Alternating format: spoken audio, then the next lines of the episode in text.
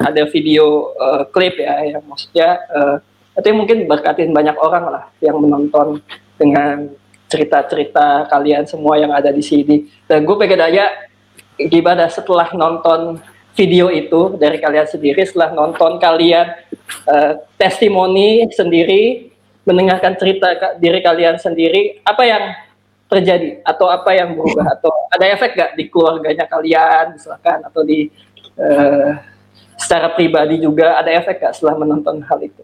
Video kemarin.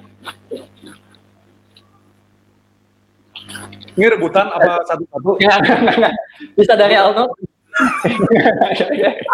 boleh, boleh, boleh. bisa dari Alno semua nunggu. Semuanya. Dari gua ya dari saya. Uh, yang pertama agak aneh ngeliat diri sendiri di video. kayak maksudnya kayak Ih, gitu banget sih lu. Ah, enggak sih, enggak, enggak bercanda. um, buat gue sih sebenarnya um, cukup bersyukur ya karena honestly um, gue nggak gua nggak berpikir maksudnya apa yang terjadi dalam hidup gue um, tahun-tahun belakangan itu um, bisa maksudnya bisa diceritakan di satu platform yang cukup besar gitu loh karena buat gue um, apa ya tapi memang gue selalu ber, uh, apa bilang sama Tuhan Tuhan kalau bisa sih maksudnya um, semua yang sudah aku lakukan dalam hidupku aku pengen orang-orang uh, bisa melihat bahwa Tuhan benar-benar nyata gitu loh like I want I want people to see that God is so real that Jesus is so real dan Tuhan tuh ada di setiap uh, musim hidup apa musim hidup kita. Kalau buat aku sendiri, kalau buat gue sendiri sih kemarin apa jujur aja kayak nonton nonton videonya lagi ya. Itu like honestly yang apa uh, kita disuruh ngerekam reaction itu kan. Itu kalau boleh jujur, jujur itu bukan yang benar-benar pertama kali sih. Jadi kayak gue udah nonton berapa menit gitu, besok aduh lupa gue mesti ngerekam gitu kan.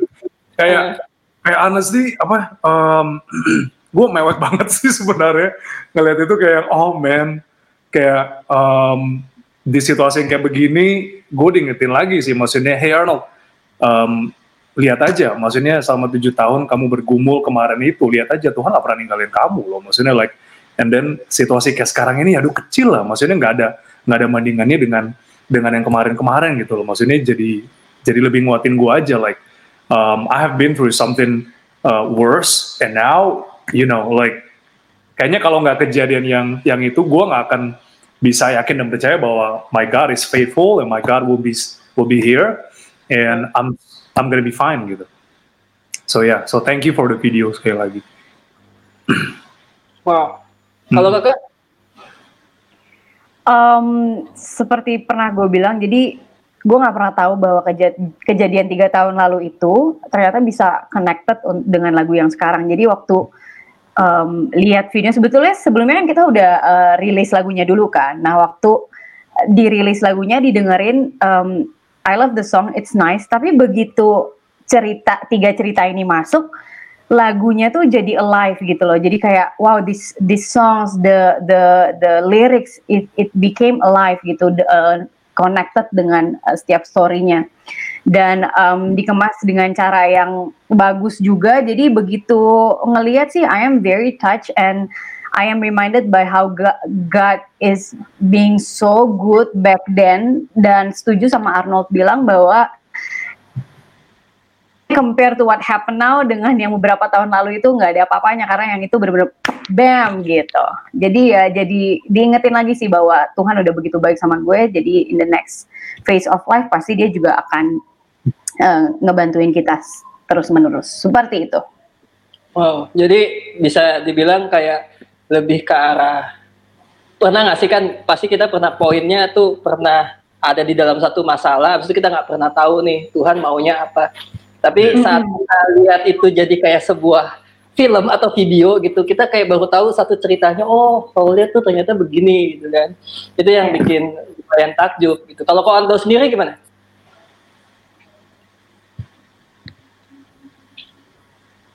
Halo, ya kalau saya habis nonton, honestly speaking, uh, pressure sih ya.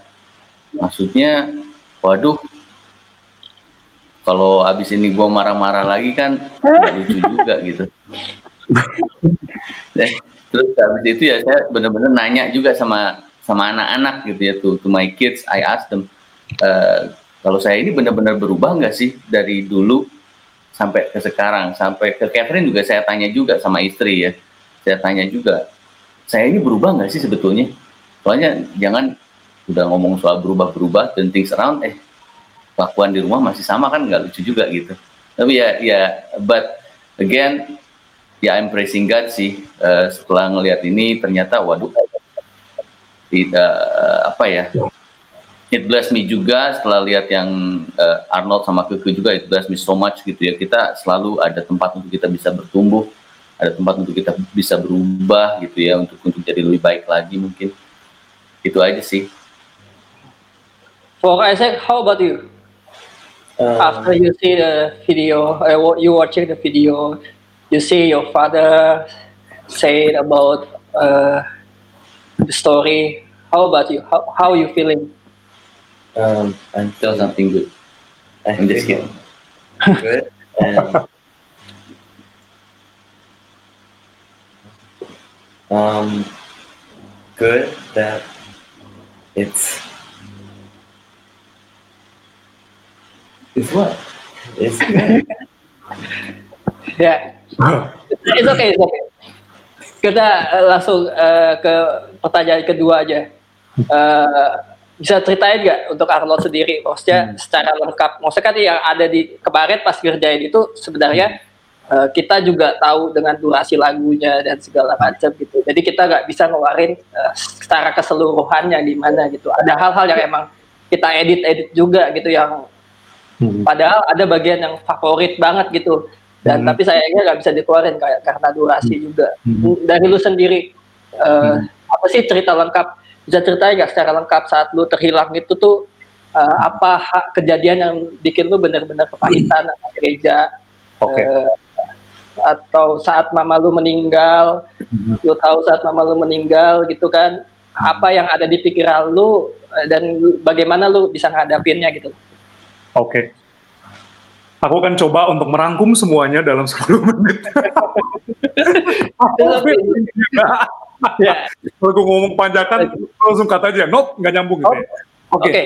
okay. aku akan kasih sedikit background tentang um, hidupku sendiri gitu. Aku uh, lahir di keluarga Kristen, tiga bersaudara, aku paling kecil, anak laki-laki semua gitu ya.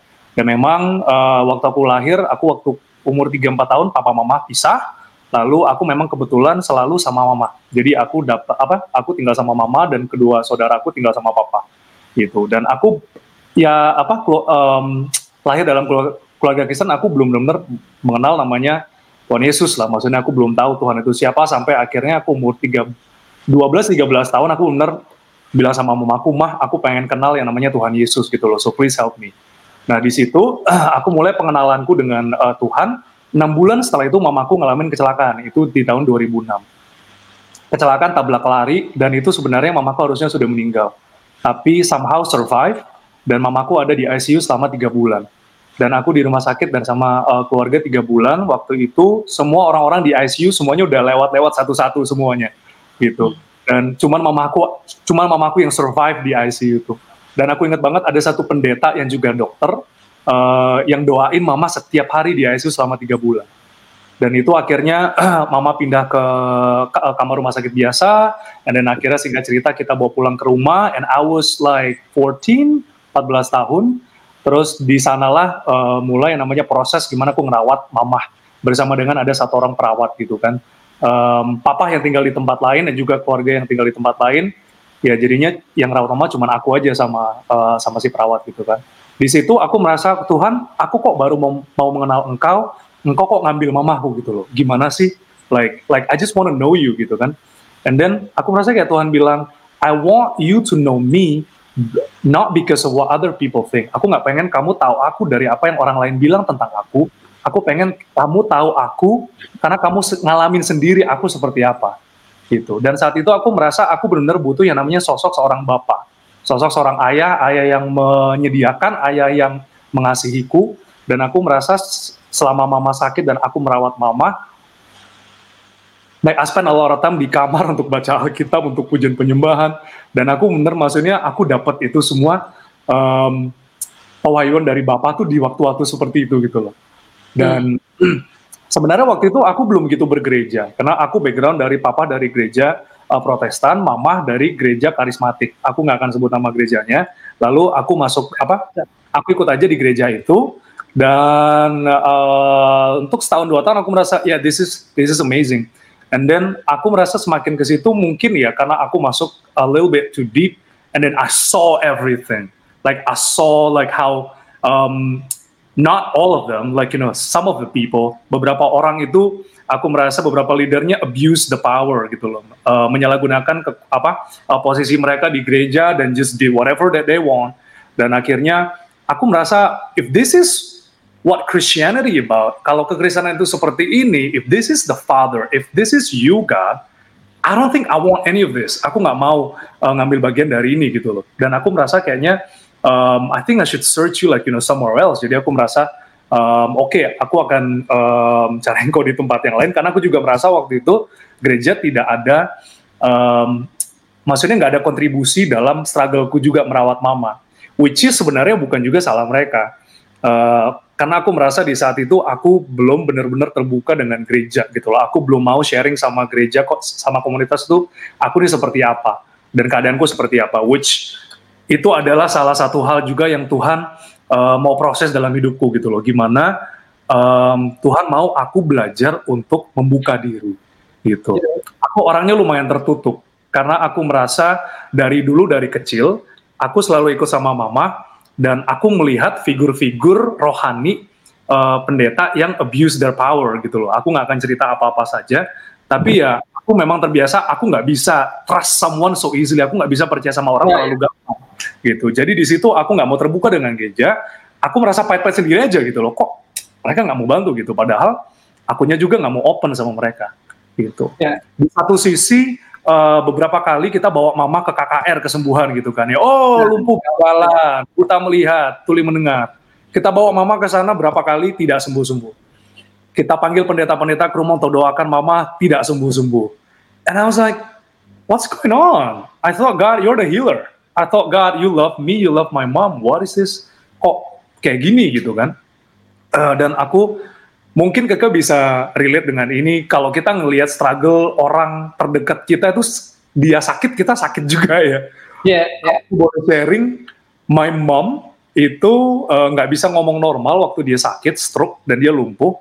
Dia nggak bisa ngomong normal, tapi dia bisa ngomong ya kayak orang cacat gitu loh. Dan dia selama dua tahun hampir setiap malam dia ber, uh, dia teriak-teriak, she was screaming, she wants to die. Dia mau mati bilang Tuhan ambil aja aku, aku mau mati, aku nggak mau hidup lagi.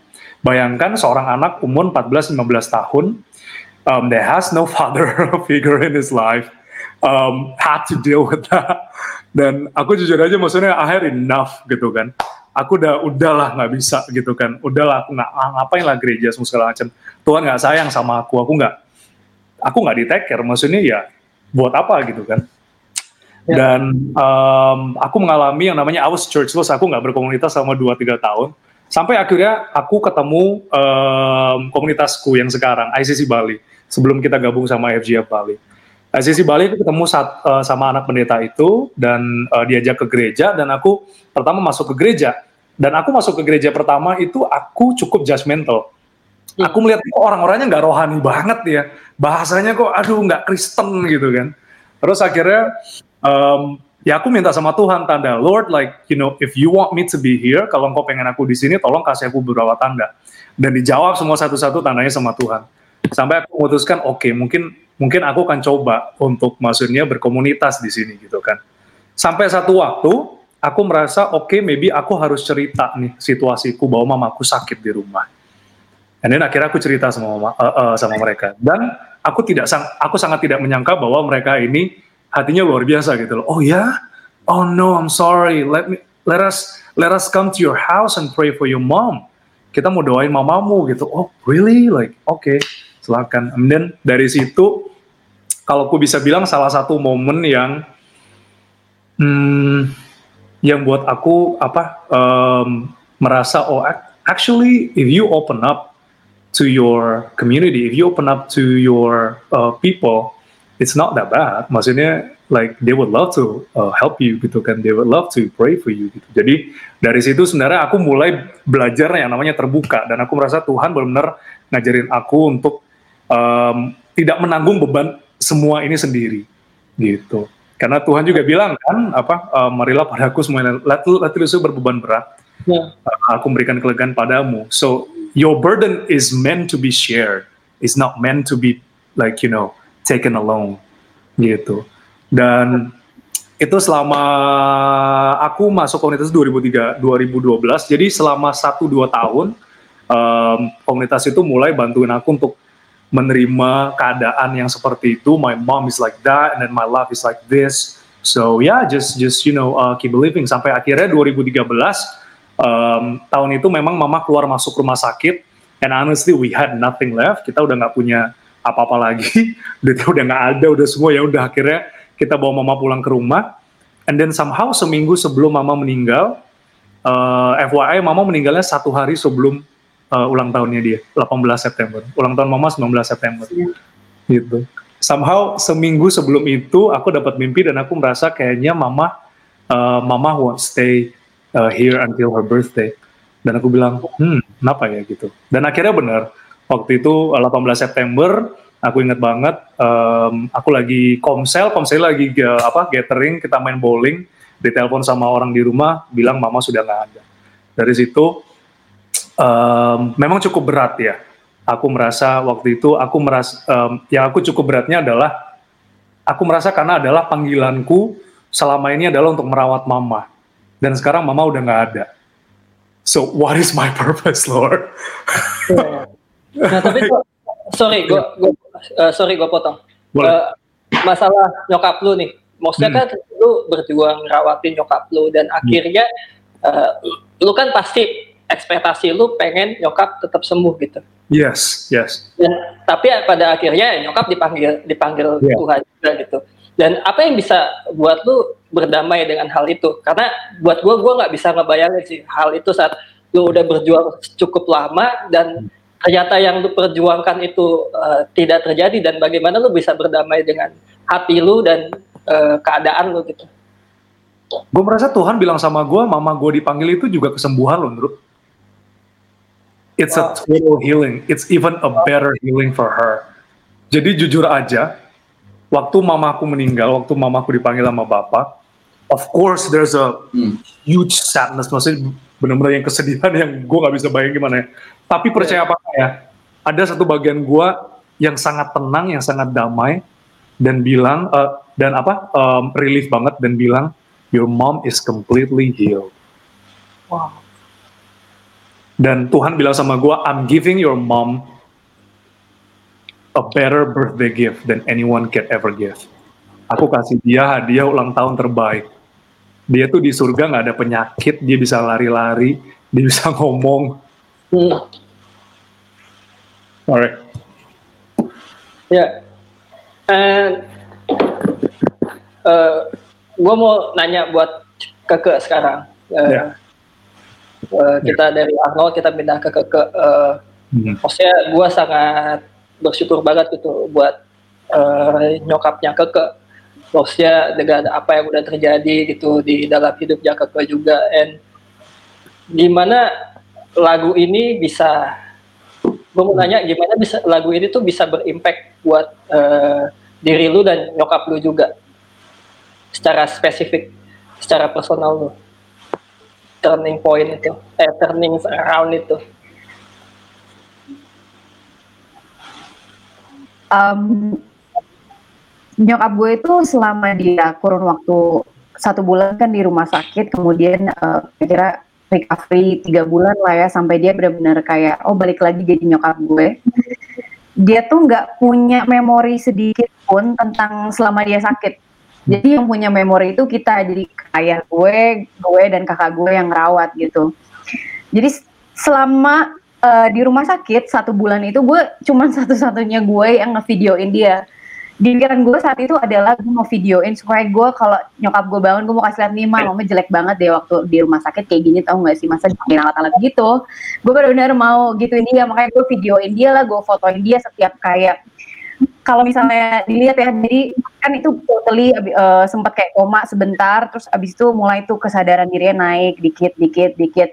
Um, begitu nyokap gue bisa gerakin tangan aja kayak gini doang. Kita ngomong nih nyokap gue kan itu soalnya di ICU kan gerakin tangan aja. Gitu wah mama bisa gerakin tangan mama denger ya gitu. Oh. kayak anak kecil bayi baru lahir gimana sih bisa merangkak bisa jalan terus uh, misalnya dia bisa buka mata gitu tiba-tiba nyokap gue buka mata setelah berapa hari uh, tutup mata mama hai apa kabar? Itu sebenarnya padahal dia nggak sadar dia nggak nggak inget sama sekali. Nah begitu setelah dia sadar dan kasih lihat videonya dia kayak dia nangis gitu. Oh my god dulu gue kayak gitu ya. Terus kalian yang mesti take care gue jadi dia begitu masuk ke video klipnya gitu dengan lagu Turn Things Around dan sekali lagi how connect to our story.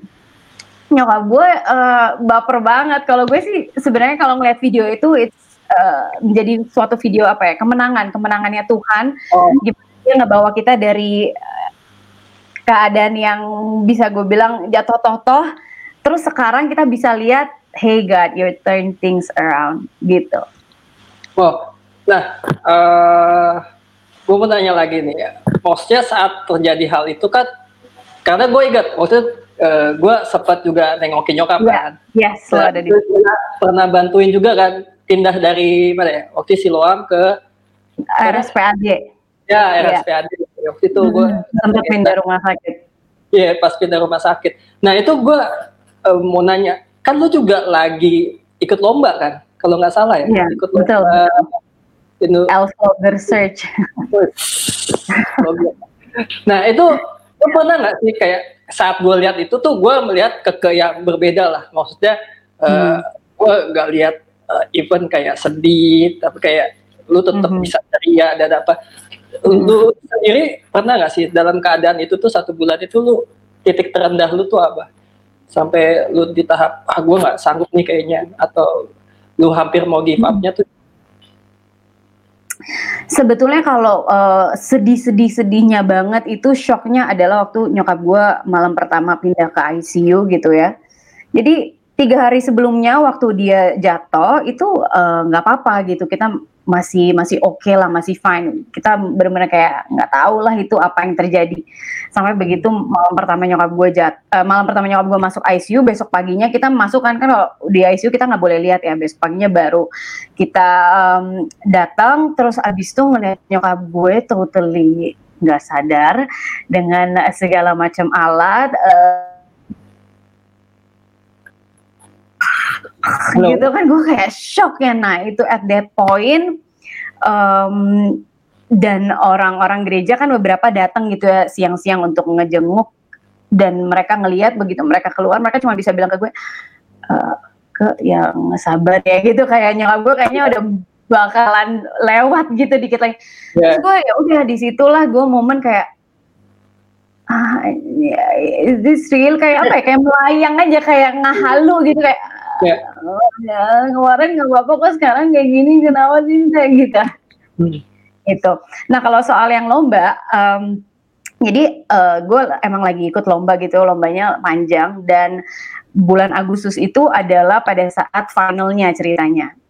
Jadi gue masuk 10 besar dari 200 orang ini, gue masuk 10 besar.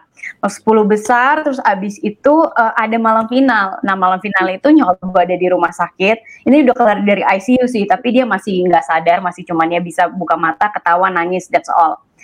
Terus abis itu, um, jadi ya udah gue pagi uh, berangkat dari rumah sakit, udah packing-packing barang, izin mah aku mau lomba ya tanpa ada satu keluarga pun kakak gue uh, di luar kota bokap gue pasti jagain nyokap gue. Terus ya udah di situ gue lomba sebelum hari-hari sebelumnya sempat siapin. Dan um, kalau boleh dirunut dari yang tadi gue sedih banget itu hari keberapa ya? Hari kedua ketiga. Sampai satu bulan itu sebenarnya abis udah sedih banget itu udah ada space kayaknya pikirannya untuk sedih lagi Ndro karena um, gue harus mikirin uh, bayar rumah sakit gimana, uh, setiap hari billnya makin nambah. Ya. Yeah. Wah. Oke, sepertinya sedang internetnya lagi bermasalah.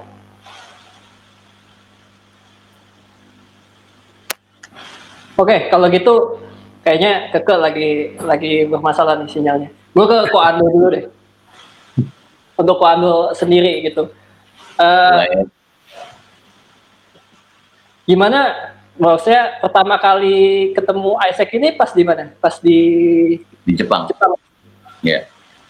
Nah, Koko pertama kali ke Jepang itu bekerja di sana tuh gimana ceritanya? Kok bisa tiba-tiba?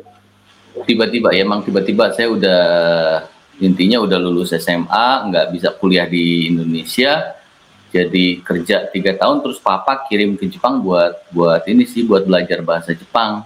Hmm. sambil kerja lah ya sambil kerja belajar bahasa Jepang. Jadi uh, saya berangkat ke Jepang. Ya akhirnya saya bisa bahasa Inggris. Yeah. just kidding just kidding.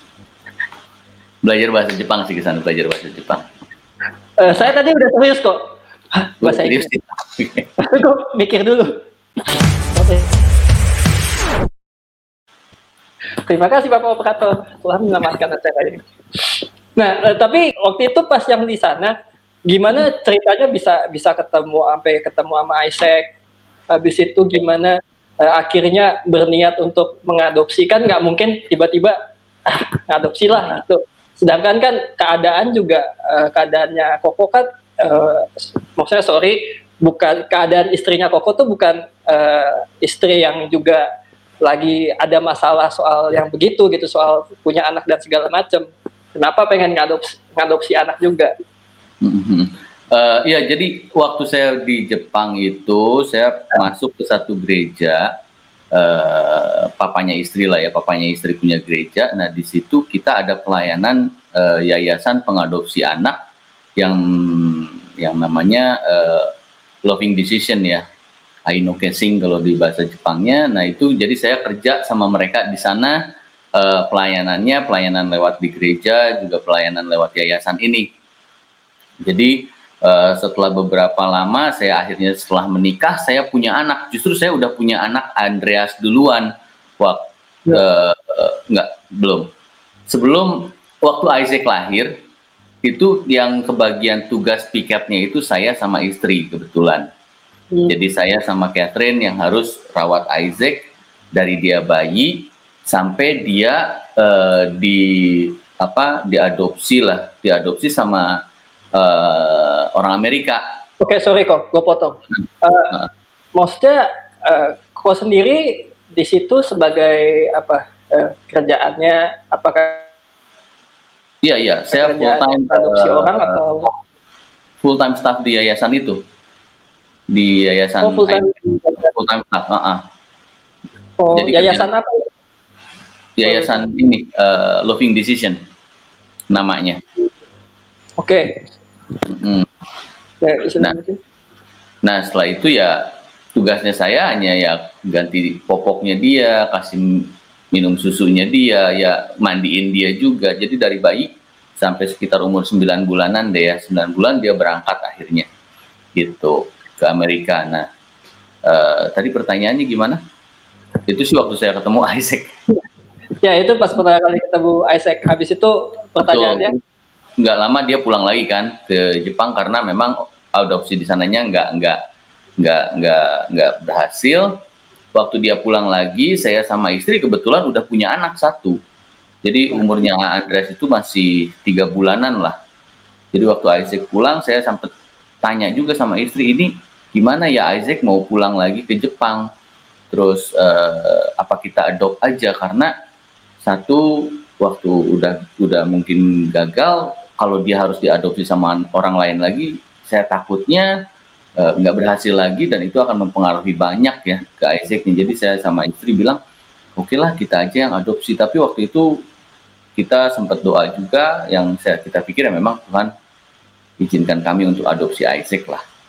Ya kalau boleh tahu waktu itu Isaac gagalnya kenapa dalam proses adopsi di yang uh, orang tua yang adopsinya ini yang yang yang akhirnya uh, karena ada masalah keluarga juga ada masalah kesehatan mereka jadi mereka harus batalkan waktu itu jadi Isaac dan dan, dan itu sudah sempat berapa lama Isaac di Amerika? hampir satu tahun ya hampir satu tahun hampir satu tahun hmm, hampir satu tahun di Amerika jadi waktu dia balik lagi dia umurnya aja udah udah satu setengah tahun udah satu tahun sembilan bulanan uh.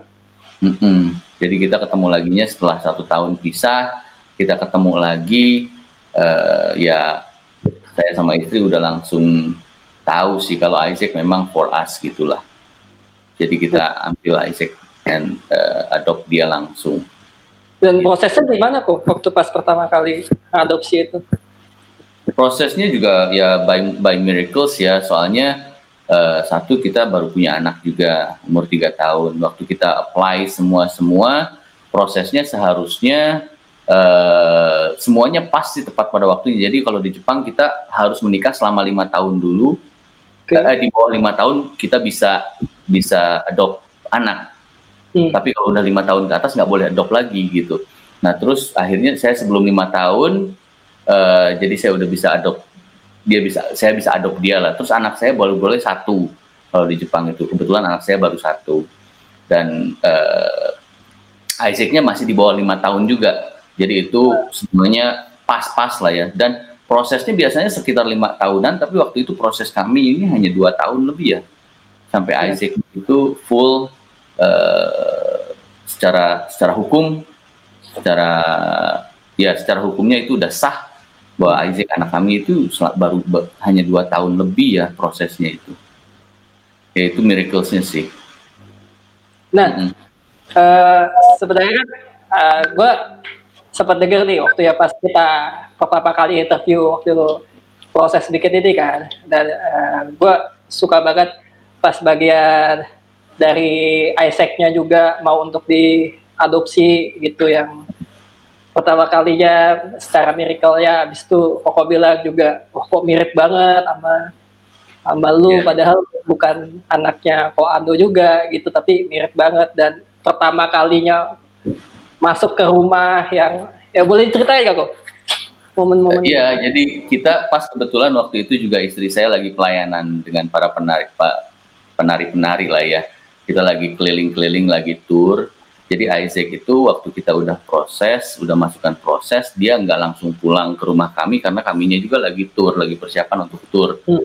Uh, jadi waktu itu kami masih simpan, bukan simpan lah ya, Isaacnya masih tinggal di yayasan, yaitu di rumah di rumah omanya lah, di rumah grandpa grandmanya. Jadi it's, it's all good juga gitu.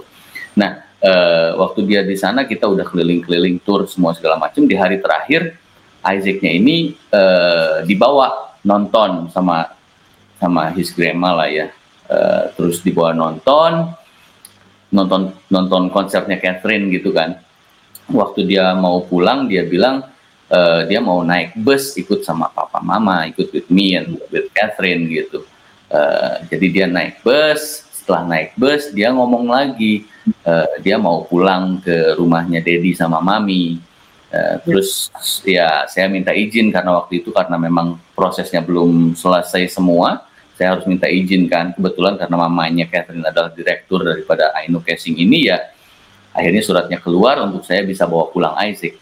Dia waktu nyam, kita nyampe ke rumah, ini baru pertama kali Isaac nyampe ke rumah, saya juga udah baru pulang tour, uh, saya buka pintu, dia udah langsung lari masuk ke kamar saya sama kamarnya Catherine. Dia loncat-loncat di atas kasur dia bilang this is my room this is my room this is my room all the time. Dia dia terus dia bilang no Isaac this is not your room this is my room this is my room this is my... so tapi dari sejak itu dia nggak pernah balik lagi ke yayasan seharusnya perjanjiannya dia balik lagi ke yayasan tapi setelah itu dia malah nggak balik lagi ke yayasan. Kita udah keep dia sejak saat itu gitu. nah tapi ini menarik kok. Maksudnya menariknya uh, gue mau tanya nih. Karena waktu pas uh, kita interview pertama kali ceritanya Ko Ando ini lumayan mirip, apa lumayan unik, bukan mirip, lumayan unik banget. Karena penting ceritanya very long tapi sangat-sangat berkaitan satu dengan yang lain. Nah, gue pengen nanya kok, saat lu full time di pelayanan yayasan itu pun juga uh, itu panggilan atau emang biasa aja? Atau ya gue lagi? Ya uh, waktu itu awalnya mulanya ya memang karena gerejanya ada pelayanan ya ya mau nggak mau ikutan pelayanan di situ dong. Kita juga full time full time staff juga kan. Jadi hmm. kita ikutan. Cuman ya makin ke sini mak makin setelah beberapa bulan ya memang itu menjadi panggilan juga ya.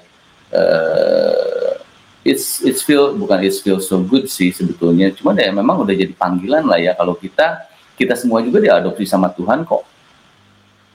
Jadi waktu kita ada keluarga bermasalah itu udah adopsi ini sesuatu yang yang mungkin kalau buat orang Indonesia it's not normal tapi kita semua kok diadopsi sama Tuhan juga kita diangkat anak sama Tuhan juga. So uh, Isaac boleh kalau secara surat mungkin anak adopsi tapi si my son? Yes of course. Tuhan kasih dia buat saya kok. Uh, dia nggak kasih dia buat orang lain gitu walaupun prosesnya panjang sampai satu setengah tahun tapi dia kasih buat saya. Uh, itu sih. Nah uh, boleh cerita lagi nggak kok soal pertama kali Koko ke pertama kali ke Jepang? Karena ada cerita menarik waktu itu. Koko cerita pertama kali ke Jepang gimana Koko di Jepang habis itu tidak jadi nggak jadi sekolah ya? Nggak ya, jadi gue sekolah. bukan nggak jadi sekolah sekolah tapi di DO dari sekolah. Uh, karena okay. saya berangkat kan nggak nggak nggak nggak nggak bisa bahasa Jepang nggak bisa bahasa hmm. Inggris jadi waktu berangkat ya ya banyak masalah lah ya kerjaan nggak bisa dapat enam bulan saya nggak punya kerjaan tuh. Uh, di Jepang itu? Di Jepang itu saya udah memang pengennya pulang tapi mau pulang juga nggak ada uang gitu. Pulang nggak ada uang udah gitu ninggalin utang. Yeah. Mau pengen pulang nggak ada uang tapi ninggalin utang semuanya kan aduh uh, bermasalah semua mau pulang juga aduh malu lah ya bukan malu juga kasihan sama papa mama. Jadi ya ya nggak nggak nggak pulang uh, saya tahan di sana cuman ya tadinya saya juga mau kabur ya di Jepang saya mau kabur nggak maksudnya kabur ya untuk kerja aja gitu. Cuman uh, Tuhan buka jalan setelah saya enam bulan di sana saya ditelepon sama gereja. Gereja bilang untuk uh, mereka mau support semua kebutuhan saya gitu waktu itu di sana. Uh, ya kaget juga sih.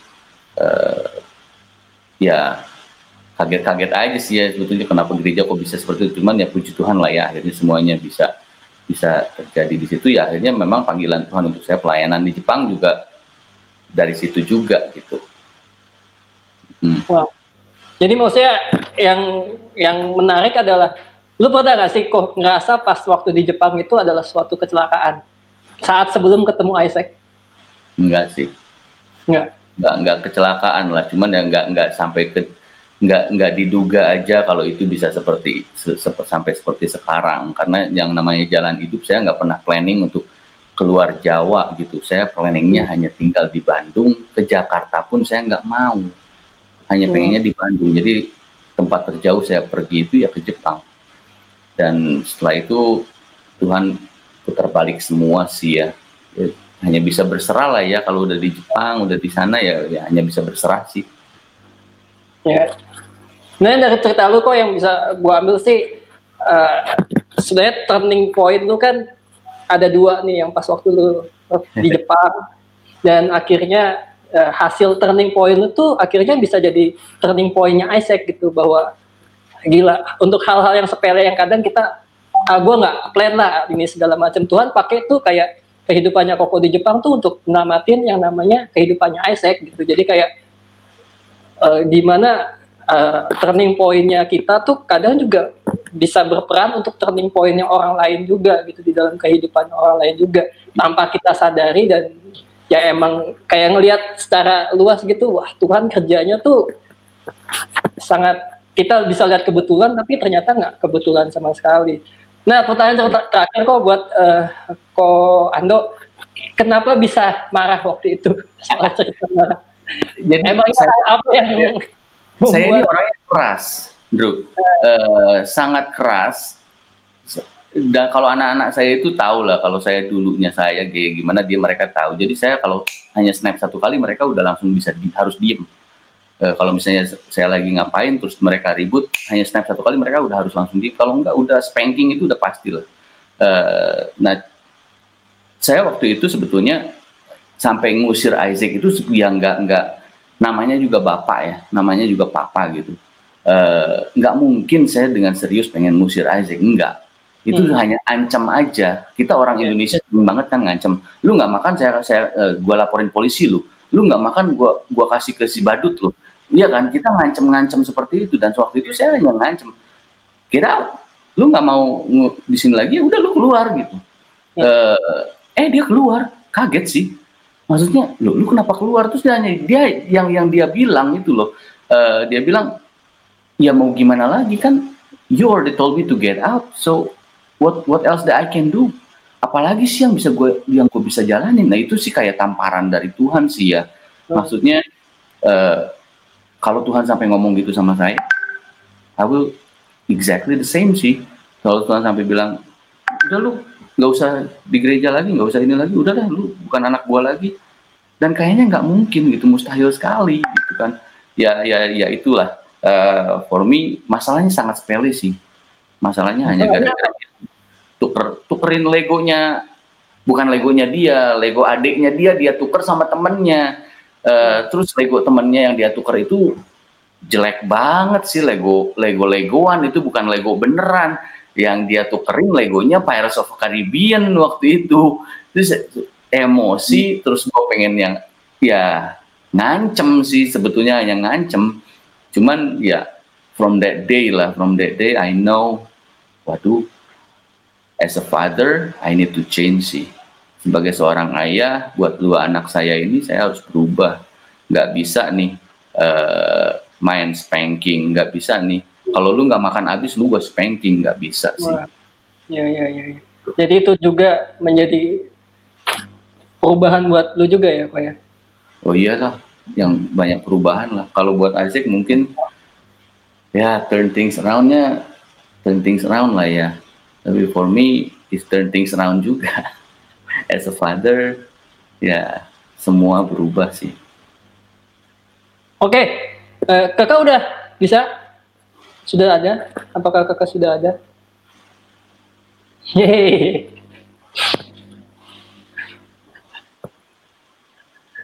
Gimana kak? Sudah mulai stabil? Sudah, udah stabil lagi. Oke, kalau gitu eh, untuk ini untuk eh, kalian bertiga deh. Eh, maksudnya sangat luar biasa banget ceritanya kalian bisa eh, memberkati banyak orang gitu dengan proses-prosesnya.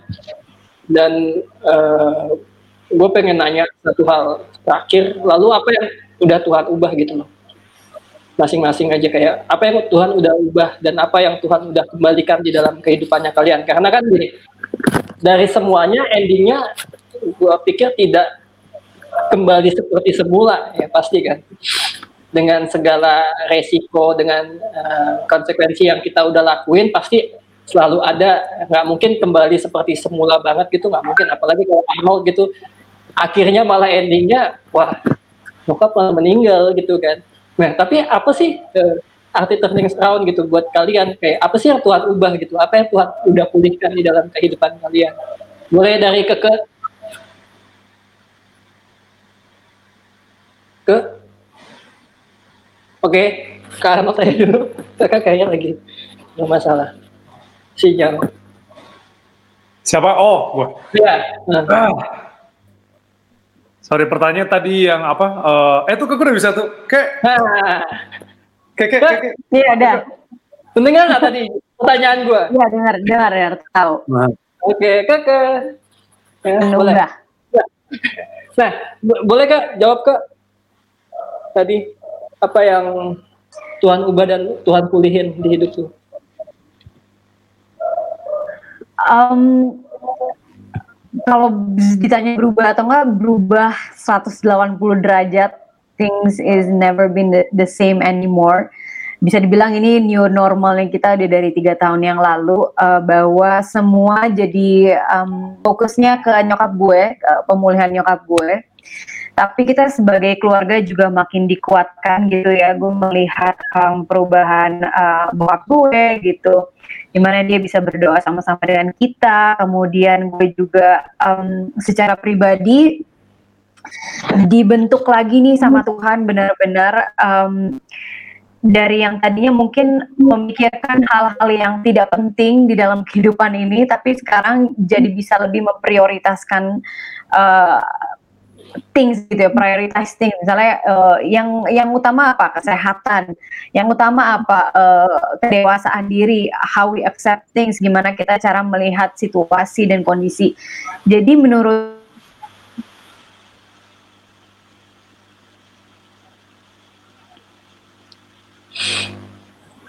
Keke. ya sudah, boleh dulu ke Arnold. Arnold jadi ikutan dong. Arnold tidak lagi sedang Sorry kayak ngambil, ngambil, ngambil jatah lu terus kayaknya nih. Uh, ya, yang, Kak? yang yang yang Tuhan ubah ya, yang yang Tuhan ubah dan apa yang Tuhan kembalikan. Sebenarnya yang Tuhan ubah sih um, dari aku yang dulu aku benar-benar aku nggak bisa percaya dan aku nggak bisa terbuka sama um, not even someone gitu loh.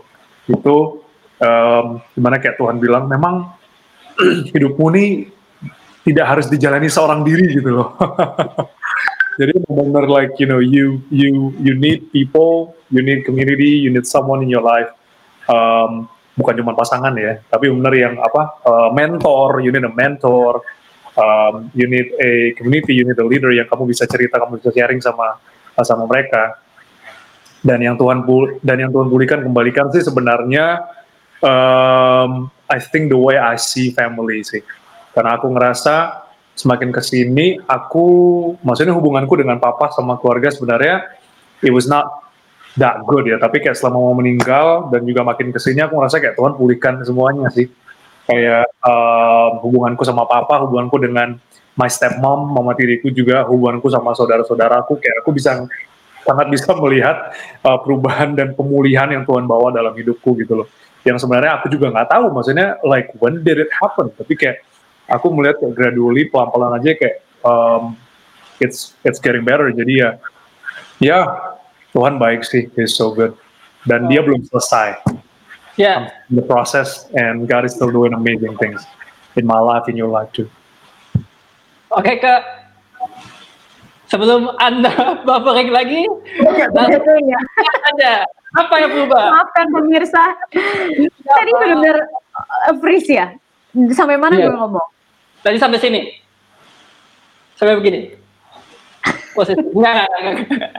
Oke, oke. Sampai pendewasaan, sampai pendewasaan, sampai pendewasaan. Iya, iya, iya. menurut gue yang diubah itu banyak tentang cara pandang dan sikap hati dalam kita uh, deal with something ya. Terutama ini kan uh, dikasihnya langsung kayak gede, bam gitu ya. Kayaknya uh, kalau misalnya gue umur 23 pada berarti berarti 23 pada saat itu terus gue kayak disuruh umur 30 tahun dalam waktu uh, satu bulan gitu. Jadi um, dan gue juga ngelihat gimana gue harus menghargai uh, keberadaan ke- masing-masing anggota keluarga gue. Jadi gue lebih appreciate nyokap gue, gue lebih look uh, lebih appreciate bokap gue, kakak gue. Jadi um, apa ya prioritasnya tuh jadi langsung berubah ke hal-hal yang fundamental, nggak bukan lagi ke hal-hal yang sebenarnya nggak penting gitu.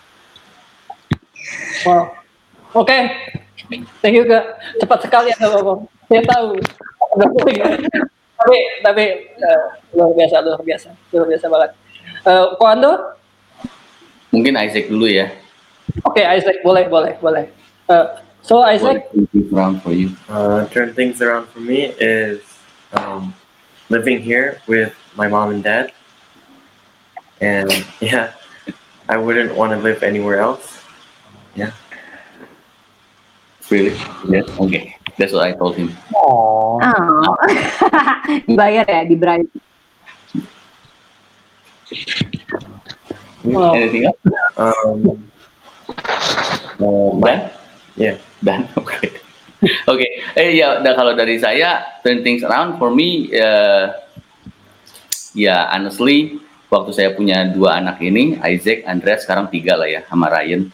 Eh, waktu punya Isaac, Andreas dalam waktu yang bersamaan honestly it's it's heavy, it's berat tapi I learn about God more from them. Saya saya belajar tentang Tuhan dari anak-anak saya. Jadi waktu anak-anak saya bikin apa pun uh, I can relate what God sees in me waktu gua bikin sesuatu gitu waktu gua ngejalanin apa apa sih yang Tuhan lihat sebetulnya?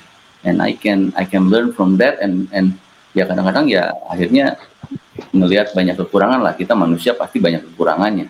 Uh, and nggak nggak mungkin sempurna juga. Tapi waktu kita sadar dan waktu kita tahu sama tuh waktu Tuhan bilang lu harus berubah ya we can change sih maksudnya Tuhan pun pasti ngelakuin hal yang sama toh dia udah mati buat kita masa sih kita nggak akan ngelakuin hal yang sama ya tapi I learn from Isaac I learn from Andreas di, di, di dalam tiga tahun pertama ya empat empat sampai lima tahun pertama saya sebagai seorang bapak I learn a lot tentang hubungan saya dengan Tuhan ya lewat mereka semua sih. Oh, luar biasa. Nah, uh, terakhir ada pesan-pesan nggak buat ke buat uh, apa pesan-pesan buat orang yang nonton dari ke, ke Arnold dan juga ko Ando uh, untuk orang-orang yang mungkin luar sana, gue yakin pasti banyak yang menghadapin uh, kesulitan juga. Mungkin mereka lagi dalam ngalamin yang namanya proses untuk breakthrough itu sendiri. Uh, mereka nunggu breakthrough juga di dalam kehidupannya mereka. Kalian punya pesan nggak atau punya encourage nggak buat mereka agar uh, mereka bisa tetap bertahan gitu loh di dalam hidupnya mereka? Boleh langsung dari Ko Ando aja. Uh, kalau dari saya ya ya ada dua pesan lah ya. Kalau dari saya kalau mau adopsi anak uh, it's good time ada banyak anak di luar sana yang nggak punya orang tua ada banyak anak di luar sana yang nggak nggak punya keluarga mereka perlu kita tapi make sure itu bukan dari kita tapi dari Tuhan uh, make sure Tuhan yang bilang sama kita karena nggak mudah dan nggak gampang. Semuanya ya harus ada dari Tuhan. Yang kedua kalau dari saya, kalau kita semua ada seorang papa, seorang bapak, jangan jangan takutlah kalau kita bikin salah. Juga jangan sampai kita terlalu sombong untuk mengakui kita itu sangat lemah dan nggak nggak bisa ngapa-ngapain sebenarnya tanpa tanpa kekuatan dari Tuhan. Uh, ya kita bisa berubah, kita bisa bertumbuh. Yuk selama kita masih hidup, selama kita masih bernafas, kalau kita seorang bapak, kita masih bisa bertumbuh dan berubah terus-terus setiap hari. Itu aja sih. Oh. Ya, dari Ando? Eh, dari Ando, dari Ando. Dari saya sekali lagi, jadi kalau dari saya... udah, udah, udah. Udah.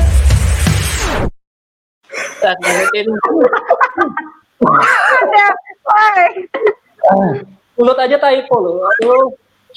Oke, okay, boleh Arno. Oke, okay, dari saya ya. Um, aku yakin sih mungkin mungkin ada beberapa uh, satu dua orang mungkin yang nonton ini lagi mengalami atau melewati hal yang cukup sulit dalam uh, hidup mereka yang mungkin kamu merasa kamu stuck dan kamu nggak tahu ini gimana nih mesti jalan ke mana gitu kan. But trust me, uh, help is on the way. Help is on the way and there's always help, there's always um, hope, ada pengharapan bahwa Tuhan tuh belum selesai sama kamu di sini dan Tuhan tidak akan meninggalkan kamu sampai di sini gitu loh. Dan um, yang terjadi sekarang itu nggak sebanding sama kayak firman Tuhan bilang ya penderitaan yang kita alami sekarang tidak seban tidak sebanding dengan kemuliaan yang akan dinyatakan uh, dalam Tuhan untuk kita nanti.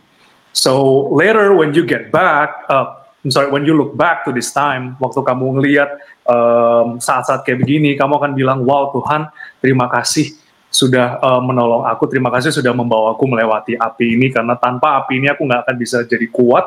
Without all this, I will never be strong. I will not know that you are God, that you are my Father. So um, setiap hari kamu bangun tidur, just say thank you Father. Terima kasih Tuhan untuk hari ini.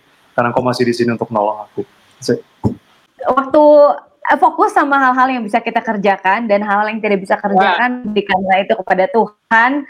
Karena um, when you put your trust in Him udah already semuanya udah taken care. Gak perlu pusing-pusing. Nanti Tuhan yang sediain ina inu ino inunya. Yang kamu perlu pikirkan lah adalah apa yang menjadi porsi kamu aja gitu. Singkat padat dan jelas. Oke okay, kalau gitu uh, eh, gue tutup dengan ini konklusinya. Uh, sebenarnya bukan konklusi sih.